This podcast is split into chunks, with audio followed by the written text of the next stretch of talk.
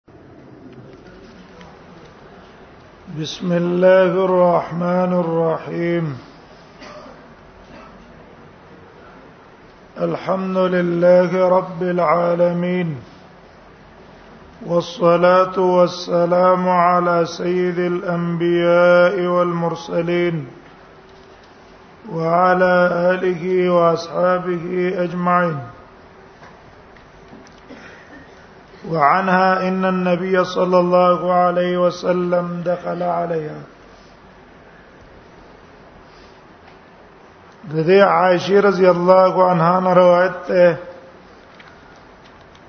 وی نبی صلی الله علیه وسلم راغې په ما ز خپل کور کیو ما نبی صلی الله علیه وسلم راغې وعندها رجل او زما په خوا کې یو سړی ناستو فكأنه كره ذلك گویا کې نبی سم دا خبره بد وګڼله دا کس ولې ران نه وتله دا یو د دینه تاسو تر ولې نه دا کړه عائشہ رضی الله عنها په پیښه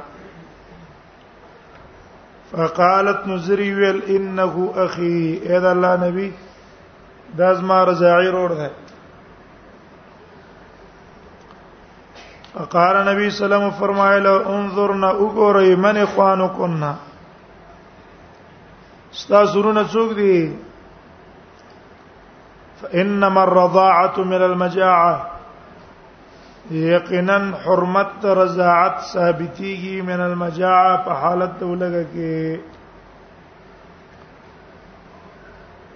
هر یو تن بستا ال رضاعي مور ګرځي او پلار به رضاعي او رضاعي ور به ال ګرځي چې ته د یو خزه ته اورو دې په داسې حالت کې چې دا غپې په ذریعہ باندې ستاولګه ختميږي او که دا پی باندې ولګه د نه ختمه دلا او په داسې حالت کې تا د یو خزه پی اورودل نو په دې تیر ودل باندې دا خزه ستا مور کیږي نه او نه د رضای مور ګرځي او د دې بچی د رضای رونم نه ګرځي وانما الرضاعه من المجاعه دا معنا شو من المجاعه معنا هغه رضاعت چې په شریعت کې هغه له اعتبار شته دا هغه دی چې په هغه رضاعت په ذریعہ باندې د ماشوم لګه ختم شي او په باندې ولګه کله ختميږي چې سړی ماشوم د دوه کالو د دوه کالو نه رستو د طبي او ډاکټري مسله ده چې پي صرف چې قوت او طاقت به ور کوي لیکن د انسان نشونه ما او عام به پاګې نه کیږي په غیر د خوراکه دیو کې موږ تاسو کې غرمه کیږي یو دړې پې مسکو اوس موږ تاسو ولګه په ختمي کې نه ترڅو پورې بسنې کړه هغه سم روټي خوړلې نه خامخا بل شی اوس استعمالو او په دوه کالو په حالت کې ماشوم صرف اکتفا په زبانه کوي صرف په پوی باندې خوراک ته ضرورت سره ناراضي د دې حدیث کې یو بل مسلې ته اشاره ده چې هغه اختلافي ده عند العلماء چې هغه ته ویل کېږي مدته الرضاعه چې ماشوم د یو خزه رضاعي زوی ګرځي نو په کومه مده کې چې په اوس کې دا به رضاعي زوی ګرځي نو دا مثلا اختلافي ده عند العلماء اولانه قول جمهور علماء ده جمهور علما وايي چې د حرمت رضاعت د پار یو خاص مدده ده که په هغه مدده کې ماشوم د یو خزه ته اورودلو دا ماشوم به دا خزه رضاعي زوی ګرځي او که په هغه مدده کې ته اونرودو دا ماشوم د خزه رضاعي زوی نه ګرځي دا قول د جمهور علماو بیا د جمهور علما کې اختلاف ته په تعین دغه موده کې چې دغه موده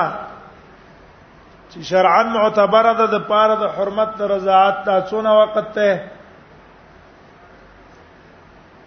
بیا دی جمهور کې اکثر علما او قول شوافع حنابلہ عمر بن خطاب عبد الله ابن عمر او دا اکثر صحابه او تابعین رائے دا دا او دا د امام بخاری رحم الله او د محدثین رائے هم دا هغه مدته محرمه د پاره د رضاع دو کال ده من حين الولاده ماشوم چې په کوم ورځ شو د دې نواله تر دو کال پورې په دې مده کې ماشوم ته اورد د یو خزه دا ماشوم به داغه خزي زوی ګرځي او که دوه کارونه بعد ورودلو دوه کارونه بعد نو بیا په دې باندې حرمت نه ثابتېږي دا ماشوم د خزر زایز وی نه ګرځي دا مذهب صاحبانو هم د پحنا پوکه او سفیان ثوری او اوزاعی هم ده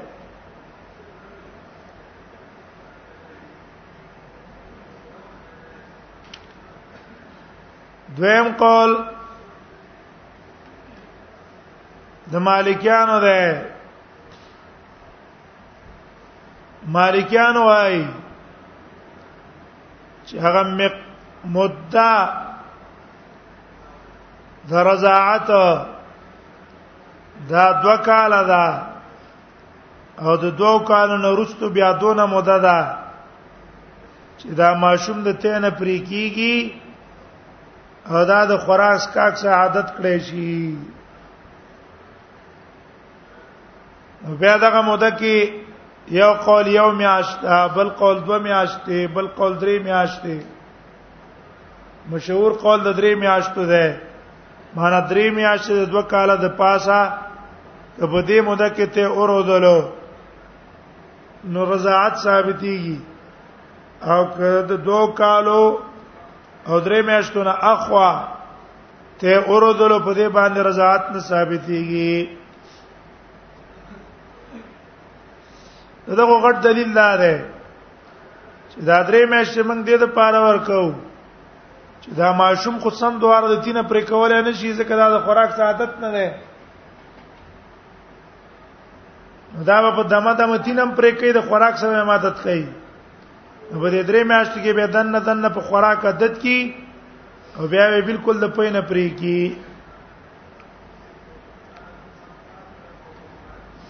دریم قول د امام ابو حنیفه رحمه الله ده امام ابو حنیفه رحمه الله وايي چې مدته محرمه للرضاع دا دونیم کال دا دونیم کال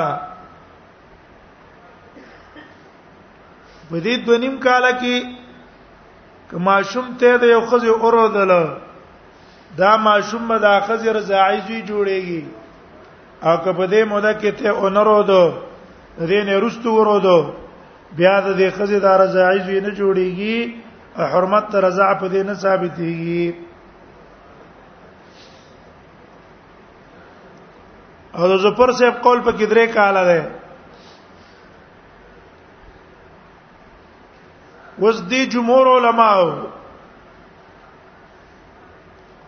او احناف او مالکیان خو په دې کې متفق دي چې مده محرمه شته د پاره د رضاعت هر ټیم کې رضاعت باندې حرمت نه ثابتېږي بلکې خاص مده کې ثابتېږي ناول به د دیو دلایل وایو د دیو دلایل مجموعه خبر اب زین ته پرې وتا یو مجموعه دلایل دي دیو چې په دې باندې خو دیو متفق دي چې یو خاص مدد رضاعت معینه ده په شریعت کې که هغه مدد کې ته اورو د ډیره ښه په هغه مدد کې ته نه روزله حرمت نه ثابتېږي جمهور علماء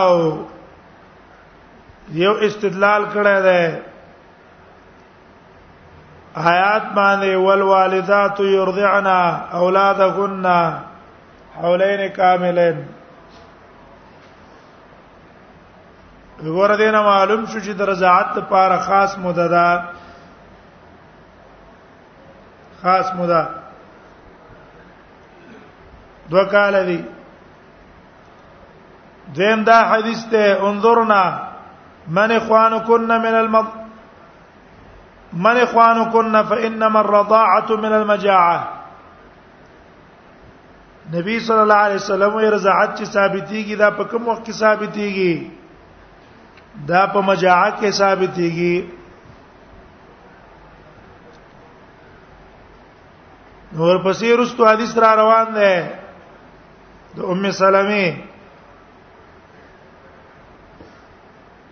امام ترمذی راوړی مشکات والا راوړی پس د ثانی کې وعن ام سلمہ قالت قال رسول الله صلی الله علیه وسلم نبی سلام فرمایلی دی لا يحرم من الرضاع الا ما فتق الامعاء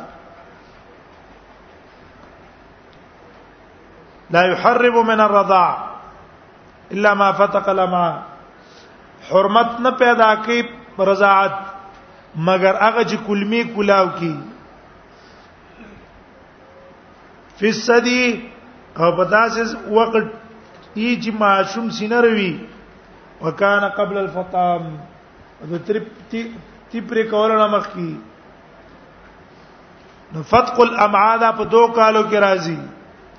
ټول ډاکټران په دې متفق دي چې دوه کال نه بعد په پوی باندې فتق الامعاء ناراضي او څنګه غټيږي دا حدیث په دلیل له همدارنګ حدیث ته د عبد الله ابن مسعود چې نبی صلی الله علیه وسلم فرمایلی دی یو سړیو د خزي په سینه کې پي بند شوی دا غي د وجه بیماری وا نو دیرا اولګې دلو د خزي سینه په خلی زور کولا او په اعتبار غرزول دې کې استپې تیر شو ابو موسی اشعری رضی الله عنه تراغه ما سره د شکارو شو نو دا خزه خو مور نشوا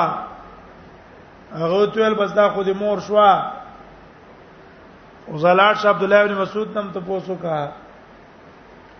عبد الله بن مسعود ته چراغه غیر نه نبی صلی الله علیه وسلم ما ورېدلې دي چې نبی صلی الله علیه وسلم فرمایي حرمت ال ثابتيږي مان شذ العظم وانبت اللحم دا په ذریعہ ګرځي د پاره د غټوالي د اډو کی او دراټو کولو د غوخه او اډو کې چې قوي کیږي مضبوطيږي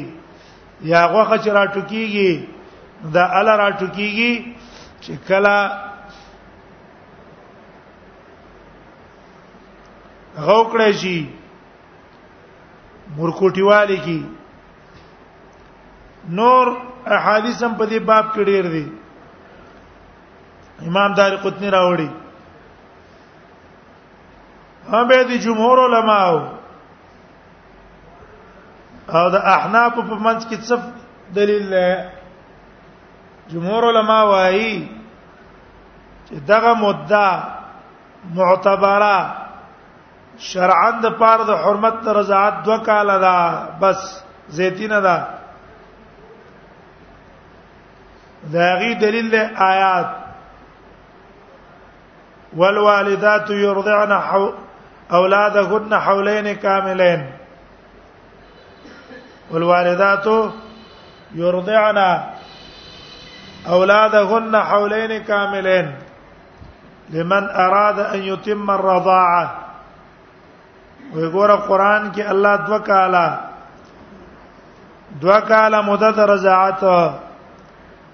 دا پورا تمام مدت رضاعت ویلې لمن ارادا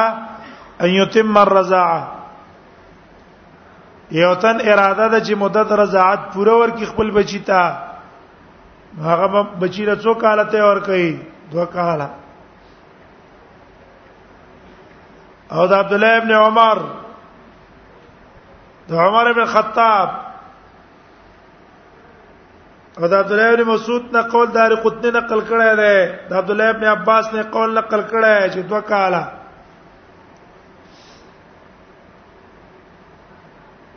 امام ابو حنیفه رحم الله چې وایي چې دوه نیم کاله ده نو د امام ابو حنیفه رحم الله د پاره احناف دلیل پیش کړی دی خاص کر هدايه والا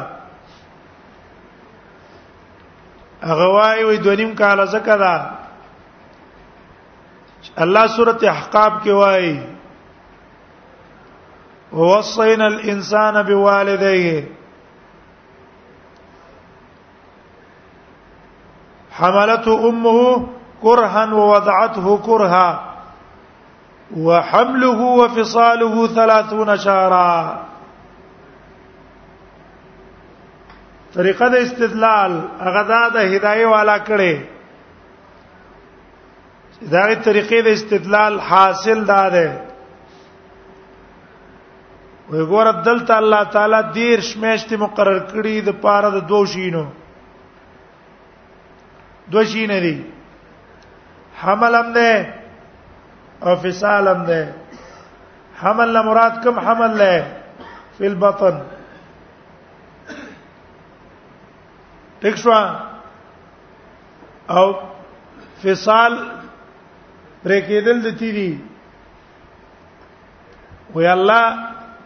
د انسان د پاره د شي تخ کړی دی حمل له فی البطن دویم د فصال د تینه پر کول د دې دوانو د پاره الله په دې قران کې اجل مقرر کو چې حمل ظاهر د آیات نه کوم خېټي واخلو کنه حمل چې حمل له حمل د خېټه واخلو نو په دې قران آیات کې شو چې دا ماشوم وې د مور په خېټه کې څونه وخت پاتې کیږي دیرش میاشتې دوه نیم کال او فصالو د پر کولم د تینا دوه نیم کال دا دوه نیم دوه نیم کال هم نیټه د پاره د بطن حمل فی البطن او هم نیټه ده د پاره ده فصال وی ظاهر د آیات نه معلوم شو چې خېټه کې بچي دو کال دو نیم کال پاتې کیږي او دو نیم کال به لته ورکه وس وې موږ چې وکتل حدیث ته د عائشه رضی الله عنها امام دار قطنی راوړی چې وی عائشه رضی الله عنها وای وی په خېټه کې بچي د مور په خېټه کې بچي د دوو کالو نه اخوا یو سکند هم نه پاتې کیږي ولو فلکتو مغزل هه وای دونم نه دونم رستو نه پاتې کیږي چې دا ګړګړې د شتاو شي لک سکند کې تاویږي کنه دون هم نه پاتې کیږي وی ګوره دا حدیث د عائشه اگر کوم موقوف ته خو په منزله د مرفوع ده نو دین معلوم دا شو چې دلته حمل فی البطن دونیم کال نه ده ولی نبی سمې په خېټه کې دونیم کال نه چې دوه کال نرسته بچي نه پاتې کیږي نو حمل فی البطن د 30 شهرن د چا لپاره نشو حمل فی البطن د لپاره نشو کنه ولی دلته حدیث د عائشه مخصص ده هغه کې ویل شو چې بچي په خېټه کې دوه کال نرستو پاتې کیږي نه چې کله حمل فی البطن د پاره دغه نیټه نشوا کم یو پاتې شو مثال پاتې شو کو پاتې نه شو دا دنیم کال د چا شو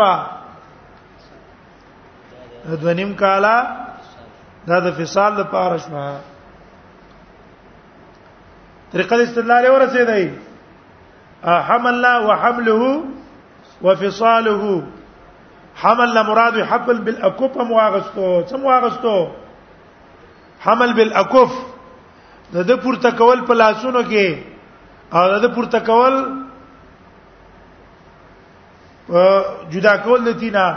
او یا حملنا ټیک تا ظاهر آیات ته معلومیږي چې دونیم کال پاتې کیږي لیکن حدیث د عائشه د وجنه مولا څو ګرځاو مخصص مو ګرځاو چې دلته دا نیټه د حمل لپاره نه ده دا نیټه څه ده حمل لپاره نه ده حمل ده رضاعت لپاره طریقه د استدلال په هدايه باندې ورسېدای ویا کوي دو دو دو نیټې دي دو شي نه دي او دا هغه د پاره ته نیټه مقرره کې یو نیټه ولا مقرره کې دا نیټه د دوه لپاره ده کنه دا ظاهر آیات نه معلومیږي چې ماشوم هم په خېټه کې دونیم کال پاتې کیږي او ماشوم له دونیم کال ته مورکه نو اوس په دې باندې سوال لاغې هدايه والا باندې چې ته چې ظاهر قران کې دا نیټه ده د پاره د دوه اجلو بیا خو په کار دار چې تاسو دې آیات باندې استدلال نه شي نو په دې آیات نه خو معلوم شو چې په خېټه کې بچیم دوه کاله پاتې کیږي نو هغه به وایي کنه حال دار چې تاسو دوه کاله اکثره موده د حمل وایي اکثر مده د حمل احناف څو وي دوه کاله بیا ولې د آیات نه خلاف کړي ویره وې د آیات منګه تخصیص کړي د پچا باندې تقیدم کړي په حدیث د عائشه چې هغه حدیث د عائشه اگر که موقوف ده خدا په اجتهاد باندې نه کیدا په منزله د مرفوع ده چې دار قطنی هغه روایت نقل کړي چې بچي په خېټه کې نه پاتې کیږي د دوه کارونه بعد یو سکند مطابق هم نو د دې د وجنه عقل د مدې د حمل اکثر مدې د حمل دوه کاله مونږ ویل د چا د وجنه اکثر ک آیات تلالت په دونیم کاله کوي خدا حدیث د عائشه مولا څکلو مخاصه سم ګرځاو وې شوی په دلیل دا د طریقه د احنافو یو ځکه مطلق د کتاب الله مقید کول نسخه ده یو ځکه وی مطلق د کتاب الله مقید کول په خبره واحد نسخه ده وزالا یجوز ډیر احادیث مسترد کړي وې قومه جلسه پرز نه ده ځکه پرز نه ده چې قران کې صرف رکوع او سجده راغلي او رکوع مطلق انحنات وي کوم پکې اطمینان فرض کو نو نسخه به د مطلق کتاب الله په خبر واحد باندې راشي وایي په طواف کې او د شرط نه ده ځکه قران کې دی ولی طوافو مطلق طواف کوي طواف دوران د بیت ته وایي او د سمون شرط کو د حدیث د وجه نه چې طواف بالبیت صلات مطلق د کتاب الله په مقید وګرځي او مطلق د کتاب الله مقید کولا دا نس خدا دا څه چې دا دا نس خدا پیدا کولای نشو ټیک شو دا غیر پارډي نور مثالونه لیکن کله چې مذهب په بل الټه ده به هم دغه خبره واحد ولا ذکر ځای مقید ګرځي څوله ګرځي دغه ولا مطلق مقید کیما تقیدم پکې دلته را اولګه د په قول د عائشه سندن بنت ای ضعیف او قول د عائشه ده موقوف ده او ضعیف هم ده او مطلق د کتاب الله په څکړه له مقید کړو مقید کو کوم مقید نه کړو ته به مقید کړو دغه چې قران کې دی وامسحو بروسکم سر باندې مسو کوي به د بعضیت لپاره نه کنه مطلقه ده ټیک شو دی کوشش دا کې چې نه مطلق نه ده مجمله ده حدیث د مخیر ابن شعبه ولا موږ څو ګرځاو مبین وګرځاو موږ یې مجمله نه ده مطلق ده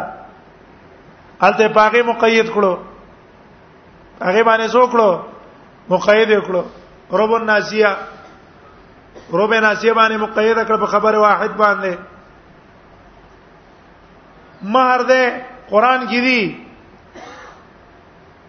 مطلق مار کې مقدار سب قران کې مطلق ده شامل له ما یتمول تجمال ته ویل کیږي ټیک شو دی راغله کې د پیزوی پدیس چې حجاج ابن ارطاطه د بکرستو راضي پاغه مقید کو 15 دراهم 10 دراهم دیو جن موږ وایو چې مذهب کې سر ورو منډلو یا دې په تنظیم کې سرور منډل بس دا کارونه وکې سبکه ټول عمر باندې په تاویلونو کې تیریږي بس مذهب پر اټینګه او د نبی سم د حدیث او سنتونو به جوابونه کې او دا خپل مشر او امام لبا تاویلونه وګوره او کله به د شي کلمات د کوپرم پیوي چې سړی په کافر کیږي خو محبت په زړه ته دنه ورغلې تنظیمونو کې مدادي کنه تنظیمونو کې مدادي چې تنظیم کې دنه ورنه وتلې تنظیم والا به ناروا کوي کار کار به حرامو کوي خدا بوله جوابونه کوي الکه تعالی څه چې دی پاتې کې چې ته ورور دي تنظیم کې دا کار ناروا دی او ته ورور بالکل ټیک ده دا پکې ناروا ده خدا خ کارونه ته موږ راخلو او دې ناروا موږ څه کوو نه دام نه وای سبا کوي جوابونه وکړي ته وجنا تنظیمونه په مذهب کې سر ور منډل دغه کارونه وکړي یو ځای کې به را ټینګې بل ځای کې بدنا خبره به تختی دیلی قران شوی به دنا نو مطلق نو دا خبره مې دا وکړه چې دلته هدايه والا څه چل کړي دا چلے کړه مونږ وایو اول دا قول د عاشی زویب ده دیو جن شان ورشا کشمیریم پر رد کړه هغه دا د هدايه والا استدلال چې رقیق دی رقیق څه دور استدلال نه ده مونږ وایو جمدا حدیث تا د قول مطابق عبد الله ابن عباس نه نقل لای چې دا آیات حمله وفصاله 30 شهرا دا دواړه مش دا دواړه نیټه ده د حمل او د فصال دواړو د پاره مشترکن دا نیټه څه ده دا دواړو د پاره مشترکن ده الله وای د دې معشوم یقیني په خېټه کې پاتې کېدل او یقیني د تینه پرې کول ټوله مده څو ده دوه کال دونیم کاله یقیني مده د حمل او یقیني د تینه پرې کول دا مده دونیم کال ده څنګه غدا الله یو حملو په خېټه کې پاتې کېدل د د وفصاله او پرې کول د تینه ده ده 30 شهرا دا دوانه په څو میاشتو کې دي درې میاشتې دیرشتو میاشتو کې په دې کې اقل مده د حمل یقیني شپږ میاشتې ده شپږ میاشتې نه وخت کې ماشومه نه کیږي او یقیني یقیني مده د رضاعت دونیم کال ده مخکې معلومه نه ده مخکې معلومه ده فإن أرادا فسالا أن تراضي منهما وتشاور فلا جناح عليهما کاله ورکه دولس میشته ورکه یو نیم کاله ورکه نو حمل نه مراد حمل فی البطن ده حمل نه مراد حمل فی البطن ده حمل بلا کف نه لکه احنا پوچی هدایت استدلال په وجه باندې چې حمل نه کم حمل ویستو بلا کف واغستو بطن وی تیس ویستو وې ځکه درې دیرش مې شل ته نه پاتې کیږي نه حمل نه مراد حمل فی البطن ده او قفنا ته ده دا فصال نه ته ده او دا دا نیټه مشترکه د دوانو د پاره ده دا یو د پاره پیله پیله نه ده د دوانو د پاره مجموعه ده دلیل په عبد الله ابن عباس قول ده عثمان ابن عفان ته دقه یو خزرا واستل شو چې واده شوی و او د واده نه بعد شپږ مې چې پسې بچیو شو راوستره شو چې یاره د خځې خو بچي نه مېشتي پس کیږي او دې شپک مېشتي پس وشو دې بچي ته بدکاری کړي عبد الله ابن عباس ویاله چې د دې خزې دا بچي ثابت النسب ده بچي د دې خزې ثابت النسب ده دا بدکار نه ده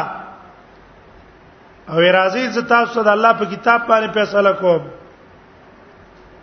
وې ګورا الله وای وحمله وفصاله 30 شهرا وحمله وفصاله 30 شهرا دې ماشوم پورته کول په خېټه کې او پرې کولې دي تینا 30 شهرا د دې دوانو لپاره موده دیر شمشته ده وې په دې آیات کې الله یقیني مدد حمل خودلې او یقیني مدد تیپری کولې خودلې نو راشه به د تبارک الله وای والوالدات يرضعن اولادکن حولین کاملین ودا دو کاله تلری کا څو پاتې شو شپږ میاشتې شپږ میاشتو کی خزه صدا بچس شپک میاشتو کې اقل مده د حمل شپک میاشتې ده بالکل عبد الله ابن عباس ټول تسلیم شو چې موږ صدا خبرو مانلا ته دونه رقیق دلایل په زیزي او کار دلیل څه کې فلکه مخزل چې کمزورې روایت ده هغه چا لپاره مخصص ګرځي بطن لپاره او حولین کاملین لمن اراد یتم الرضا قطعی آیات هغه له څنګه ګرځي هغه له مخصص نه ګرځي هغه سلری تاویږي عدالت نږدې قوي آیات هغه پرې دی دیو جن دا قول د احنافو دغه کمزور دی قول د جمهور علما راجح دی خزه دا خود جمهور قولو چې اقل مدد دا اقل نه هغه مقدار محرمه د رضاعت د پاره یا دو کال دی یا دو نیم کال دی یا دو کال درې میاشتې په پاسه دی د دغه دلایلو د وجنه راجع قول پکې د جمهور شو دویم قول د علماو هغه دا ده چې مدد تحریم د رضاعت لپاره سره شته دی نه د تحریم لپاره څه نشته سره مده شرعا شته دی نه که یو تن را اولګېدو ځواني کوم دی یو خزه ته اورودلو هغه باندې حرمت تر ذات ثابتېږي زړه راولګې د خپل خزه ته اورودو خپل خزه دا ته اوردلو تیرې کو نو په دې باندې دار زعی مور شوا دا په حرام شوا هغه لپاره څه مودا شته ده نه دا قول له د عائشه رضی الله عنها مذهب هم ده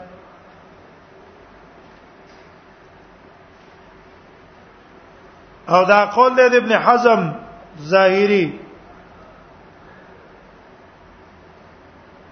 ابن حزم ظاهری او دا قول له ابن تیمیه قول پکړه په وخت ضرورت کې او شوکانی صاحب هم دا قول ویل دی عند الضروره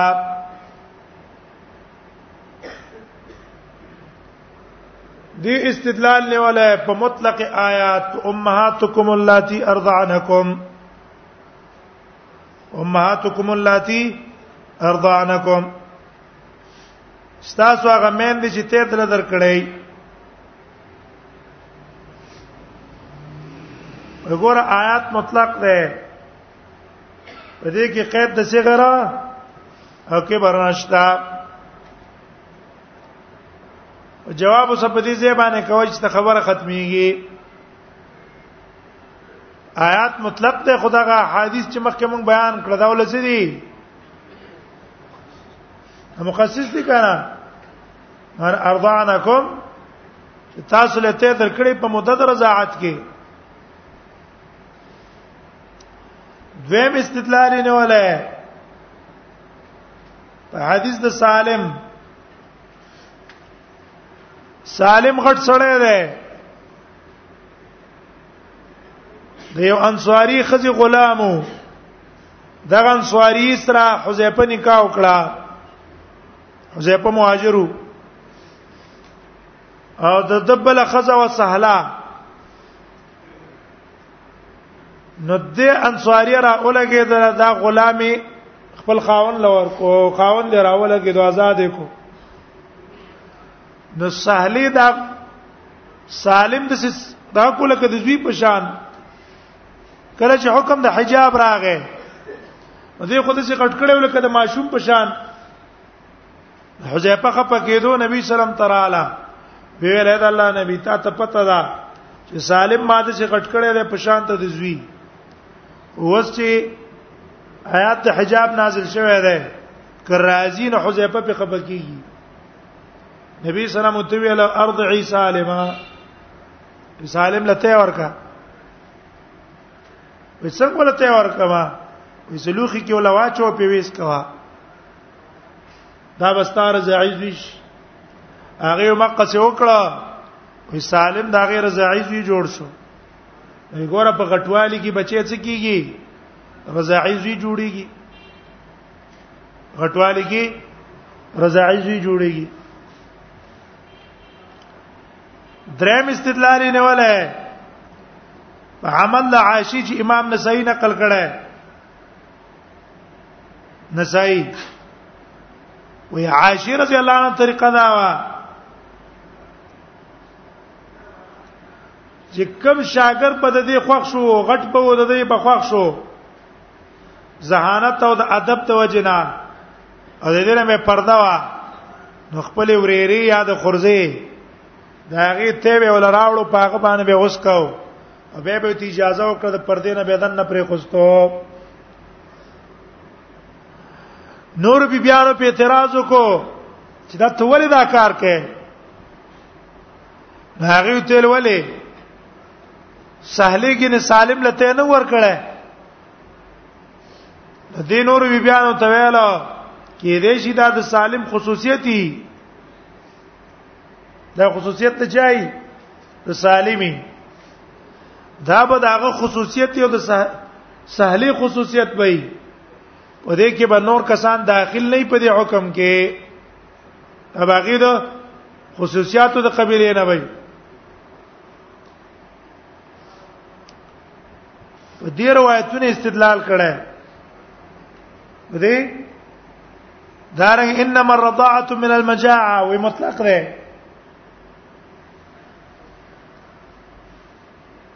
لیکن په دې کې قول د جمهور راجح ده قول د جمهور راجح ده ولې هغه سادي حدیث دي صراحتن صراحتن څه دي احادیث دي ها کله دې قول باندې قول کیږي د ضروره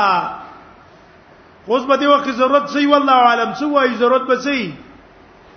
ضرورت په هغه صورت کې چې یو خزې د هغه څوک تربيت والا نه وي خزې دي تربيت والا څوک سره شته دی نه او محتاج دي کته د هغه خدمت کې خدمت مستاد پاره د هغه اختلاف ناروا دی نو که به تر اولګې دی پاګې دی خپل خزه ته اورو دو یا د ورېری ته دی پیورو دو او ځان له درځای مو دغه لور دی جوړه کړه خور دی جوړه کړه دا به یو ضرورت دی کني دی وخت څو وایو ضرورت به کم شي دی وخت ضرورتونه ډیر کم دي څه دي کم دي او کبل فرض راغم ضرورت د ضرورت په صورت کې دی جای شي ضرورت په صورت کې لري اجازه شي نور قول جمهور راجح ده رضاعت په کبر کې نه ثابتېږي که یو سړی د خپل خزه خزه ته عمر ودو یا د بل خزه ته ورودو د مور کیږي نه خلوت سنا روا ده سفر اوس جایز نه ده حرام ده سفر هم څه جایز نه ده چې تاسو سفر کې یا ځان له سره کینې خلوت سره کېله حرام ده دا ناروا ده جایز نه دي الا عند الضروره د دې ضرورت ته چې دا غیر سره خلاصې نشته دغه ضرورت ته ځان به ساتي نور کوم د کړه یو مسله خدا کرا چې ټک مسله ده اتقوا الشبهات شبهاتونه بزان ساتي ځان به بچ کړی شيونه هډیر کسان ته پوښتنه کوي موږ نه یره وې د خپل خزې ته سړې روي دا څنګه ده او پلانکې عالم فتور کړی جایز ده اچا فتوا د جواز نه دا ور کړی مسله د حرمت ته حرمت به ثابتيږي کنه ثابتيږي جواز فتوا چانه دا ور کړی ها که سړی وکړو په تیر شو بیا ولا مسله ګوره چې اوس بچ کیږي اوس ته چې ډېر دی بد کړی دی ویندا د پاره د شکار مکوا اوس توبه وباسه به دې ګوره د شکار کو د ابن حزم او د ابن تیمیه رحم الله او د عائشه په مذهب باندې څه کیږي اخذ د مور کیږي فانما الرضاعه من المجاعه یقینا حرمت رضاعت ثابتی کی من المجاعه دولګینا متفقون علیه